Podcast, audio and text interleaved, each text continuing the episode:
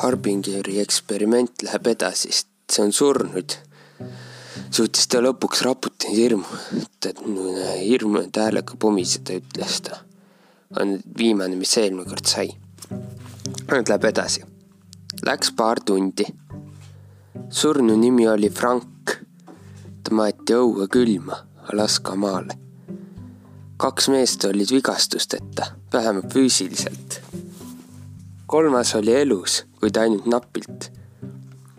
tema keha oli kaetud veriste kalkkriipsudega, üks tema silmadest oli välja, välja kaevatud, välja tulnud. mul õnnestus ta stabiliseerida, kuid ainult natukeseks ajaks.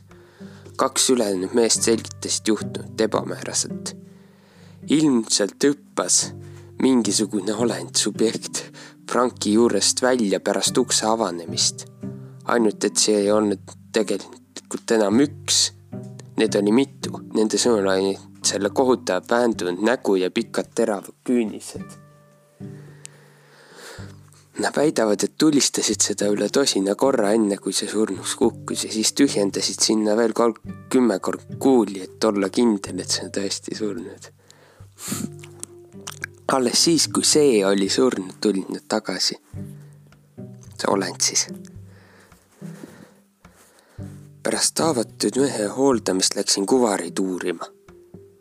nii hirmus, kui ma nägin, mida monitorid, see, nii hirmus oli mul, kui ma nägin, mida need monitorid, mida need monitorid näitasid. kui ma pidin seda nägema. kolmas hästi teema oli nüüd ainus, mis mul oli jäänud, jäänud ja mul oli vaja seda näha ja veenduda, et olend on endiselt tema toas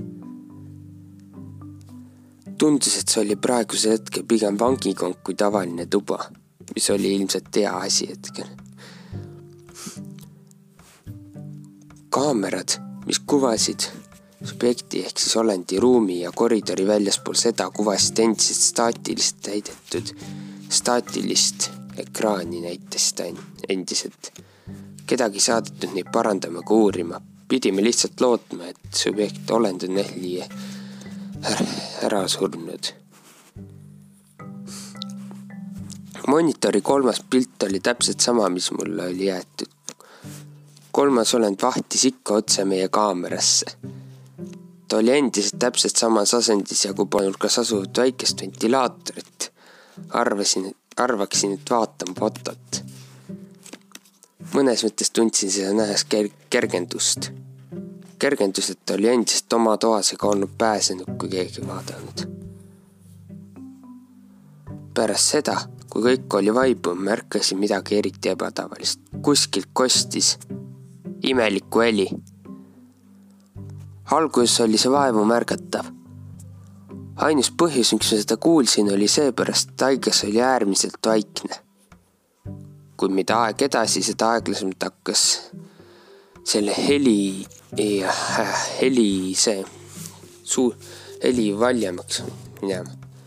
umbes tunni aja pärast oli see piisavalt vali, et seda kuulsid ka kõik teised. ja veel paari tunni pärast oli selle heli tugevus nii vali, et saime kindlaks teha, mis, kus, mis müra see on. see oli laul. üks töötajatest leidis, et see on päikesevalgusele. Sunshine Living autor Tiny Tim. jah, laulja Tiny Tim. ilmselt armastas isa seda laulu ja kuulas seda sageli. tundus, et laul oli lindil ja mängis ennast pidevalt edasi. kuigi me suutsime müra tuvastada, ei suutnud me selle päritolu tuvastada. teadsime, et see ei tule kõlaritest, kuna olime need välja lülitanud tundus, et see tuleb, paiskub ise seintest välja. rohkem aega läks kauem aega mööda, kui me kõik hakkasime selle laulu pärast üha enam ärrituma. veetsin suurema osa hai-, ajast haiglas Franki juures käies või juhtimisruumis. hirm oli õhus ning pimeduse, eksimatu pimeduse ja kurjuse olemasolu oli kahtlemata selle allikas.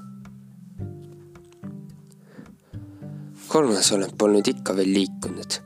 ta oli kogu aeg hoidnud pilku, pilguta, pil-, pilgu, oma pilguta pilku kaameras. alati oli tunne, et ta vahtis mind otse, ükskõik kus, kus toas ma olin.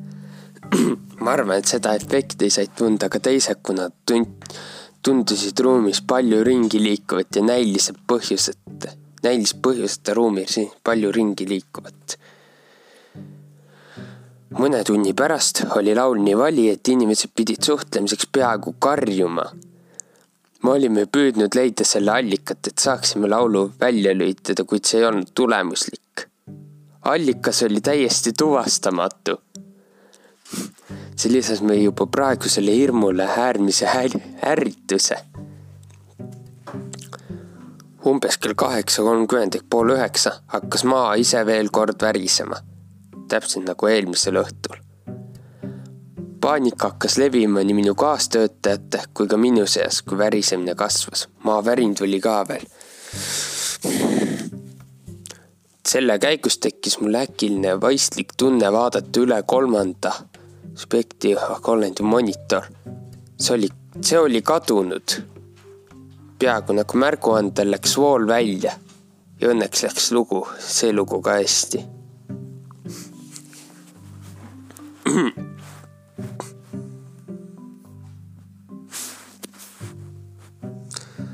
alates sellest, kui turvatiim tuli tagasi, hakkas paanika. Turvalisus, see turvalisustiim tuli tagasi, turvaliste tiim hakkas paanika järjest kasvama. hakkas inimeste hulgas, meeskonna hulgas paanika järjest kasvama ja Simmermann Neil polnud võimsu, võimu, et seda peatada. jõudu.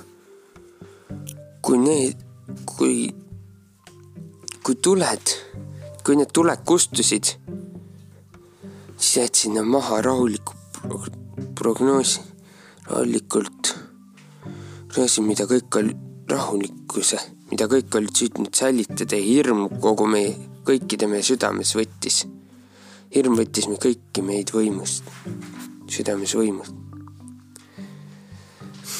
avariivalgustid läksid põlema kohe pärast voolu lõppemist, mille eest pidasin ma vaikse tänuliku palve. Tuled olid tuhmikud ja võimaldasid mul siiski piisavalt palju näha. nii palju näha siis, kui palju mu koostöötajad hakkasid põgenemist karjuma ja redeline tormama, haaras meid totaalne paanika. kuid liiga paljud üritasid seda korraga kasutada ja keegi ei suutnud redeli peal väga kõrgele ronida, ilma et keegi teine neid põrandale tõmbaks nende kohale asuks. Zimmermann karjus kõigi rahunemise, et kõik rahuneksid kuid tema domineerival ja hirmutaval isiksusel polnud siin mingit mõju ja tema nõudmised langesid kurtidele kõrvadele. see oli täielik kaos. ei läinud kaua, kuni inimesed hakkasid üksteisele tegelikult haiget tegema. kui nad meel, üritasid meeleheitlikult sellest redelist üles ronida ja sealt august välja tulla. kas kohe see? sain vaid seina ääres seista ja oodata oma võimalust redelist üles pääsemiseks. kõik karjumisest summutati peagi, kui selle rahut-, laulu, rahutu laulu tuttav sumin hakkas taas siiapoole tulema. ainult see, seekord ainult palju kiiremini ja seekord oli selge, et müra tuleb otse labor, labürindi moodi koridoridest inimesed lõpetasid kaklemise, karjumise. kui kogu meie, kui me kokku, kogu meie tähelepanu liikus uksele, mis viis koridoridesse. laul muutus kiiresti valjemaks, valjemaks, kui ta kunagi varem polnud olnud, mis sundis paljusid meist käega kõrvu kinni toppima, püüdes müra summutada. Kuid siis äkki jäi lugu lihtsalt täi-, järsku täielikult seisma vaikus. see oli kõik, mis ruumi täitis. kui me kõik eesootava ootuses jõllitasime paksu metallukse. see oli kõik, mis ruumi täitis, kui me kõik eesootava ootuses jõllitasime paksu metallukst. tundus, et on palju aega möödas, kuid tegelikult vaikuse, vaikuse murdumise kadumiseni tõenäoliselt vaid sekundid uks läks ootamatult lahti ning lagunes tükkideks. ja vägivald, vägivaldselt, vägivaldselt lahti ja lagunes tükkideks ning muusika hakkas uuesti kõlama tugevamalt kui kunagi varem. selle äkilisus ja suurus põhjust ja kõla, äkilisus ja kõla, see paljus põhjustas, põhjustas paljudele meist tagasilööki kukkudes pikali maha ja haarates kõrvadest, püüdes müra tõkestada. Vaatasin vaid sekundi jagu üles ja ukses seisis pikk sileda nahaga kuju, pikkade jäsemete ja silmadega. nii pime ja pahatahtlik neid oli hämaras valgus selgelt näha kui olin oma, kui olin oma arvamuse kinnistanud, vaatasin õigel ajal veel kord olendit üles, olendile ülespoole, et näha, kuidas see asi Zimmermanni ühe liigutusega pooleks üles tõstab ja pooleks rebib. see asi. ruumi ja kõik see teisi seal viibijad oma tema Zimmermanni siis veresoolte ja elunditega üle kallates. mul ei olnud see võõras, kuid see vaatamine oli minu jaoks liiga jube. Ma vajusin seda nähes kohe, vajusin seda nähes kohe pikali ja oksendasin oma sisemise kogu külma sement põranda peale. ütleb autor. autori kõne on see, mida ma siin räägin, kõik see redel on minu ainus ellujäämise lootus, mõtlesin endamisi, kuid, kuid sundisin end sinna seisma. Ja kui silmad koos minuga kerkisid, nägin, kuidas see asi inimeste laiali rippes sealt läbi jooksis, kui nad seal põgened, eest põgeneda üritasid. see oli segane ja nii kohutav, kui see ka ei kõla, oli see minu ainus võimalus sellest, oli minu ainus võimalus sellest redelist üles tõus-, tõusta redel rippus ja, ja langes ja see asi jooksis selle alt läbi. okei okay.. Sundisin oma jalgu redeli poole liikuma, püüdes tõrjuda kaastöötajate hirmunud karjeid ja talumatu palju muusikat. kuulsin, kuidas püssivakud langesid kokku kisa ja kohutavate helidega, lihahelidega ah,, lihasöömise helidega, mis kuskil müra sees see olid segamini, kuskil mõraga segamini. jõudsin kätega väljapoole, tundsin, kuidas kergenduslaine minust üle uhtus, kui sõrmed puutusid redeli kõva metalliste astmetega kokku. haarasin neist kinni ja hakkasin orienteerimata olekus üles ronima nii kiiresti kui võimalik tundus nagu igal hetkel tunneksin, kuidas üks selle siledatest kätest mähkub ümber pahkluud ja tõmbab mind alla surma poole, kuid jõudsin lõpuks tippu. Minu meelest polnud tulnud siin küsimust, pidi luugi sulgema ja selle asja sinna alla jätma. seerin ise, kui see tähendas kolleegidele kindlat surma. ma ei saanud lubada selle asja põgenemist haarasin paksust metallist kaanest ja hakkasin kõigest jõust suruma, püüdes maa-aluse kompleksi kinni tseerida. vaatamata sellele, kui tihe ja vastupidav see oli, oli kaan, kaan üllatavalt hõlpsasti liigutav ega võtnud isegi, gaas üllatavalt hõlpsasti liigutav ega võtnud isegi minu nõrgendatud olekus väga palju vaeva, et seda, et selle luugist üle lükata. mõne sekundiga kat-, kattus luuk tiheda metallkaanega täielikult. parisesin küljele ja hakkasin veel rohkem oksendama, kui mind tab-, mind tabas, kui mind kurnatus tabas. ja seal lamades sain ma midagi aru peale minu vaevalist hingetõmmete kuulsin ainult seda nõrka, halb, seda altpoolt tulevat nõrka laulukaja.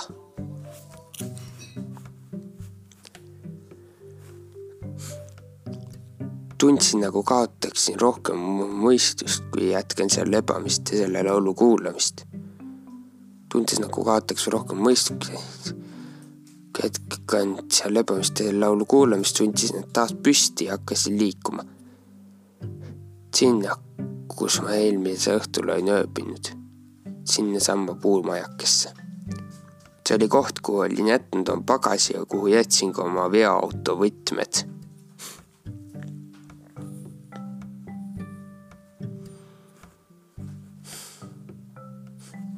jah nüüd siis tuleb põhjendus. põhjendus, miks ta sellest räägib. ehk siis autor, jah. viieteistkümnest töötajast on, kes selles hüljatud katses osalesid. olen ainus, kes ellu jäi, ütleb autor.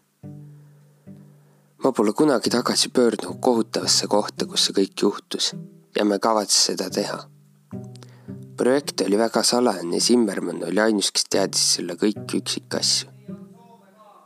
ja minu teada pole keegi tea-, teadlik minu osalemisest peale minu.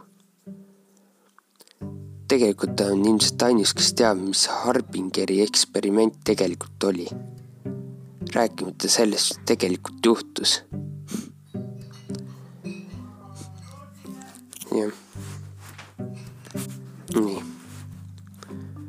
Nüüd olete ilmselt mõelnud, miks ma olen teile kõigile rääkinud millestki, mis keegi teadma ei peaks.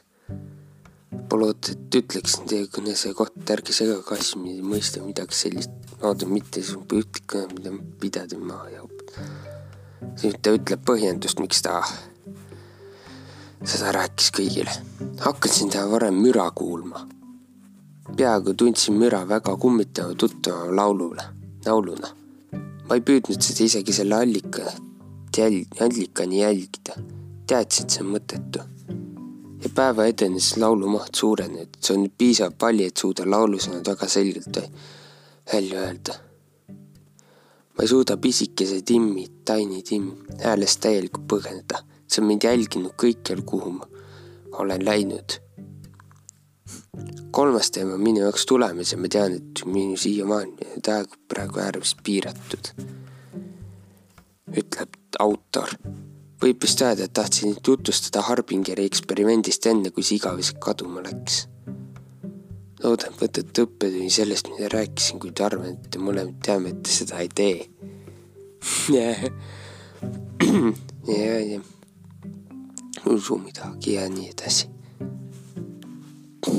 survaid meeled kõhus iganes alguses ütleb, pole vahet, kas teda usutakse või mitte, okei okay?.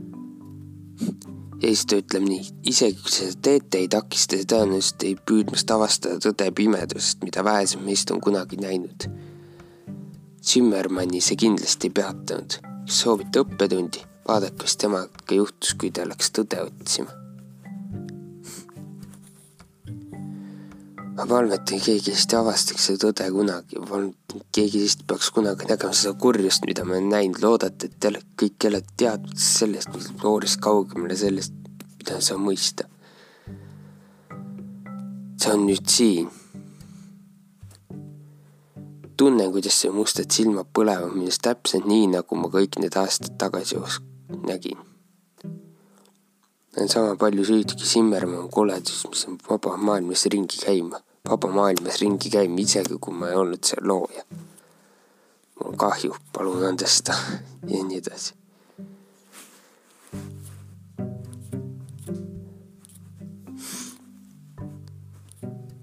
Harbingeri eksperiment oli see. lõpetan, tšau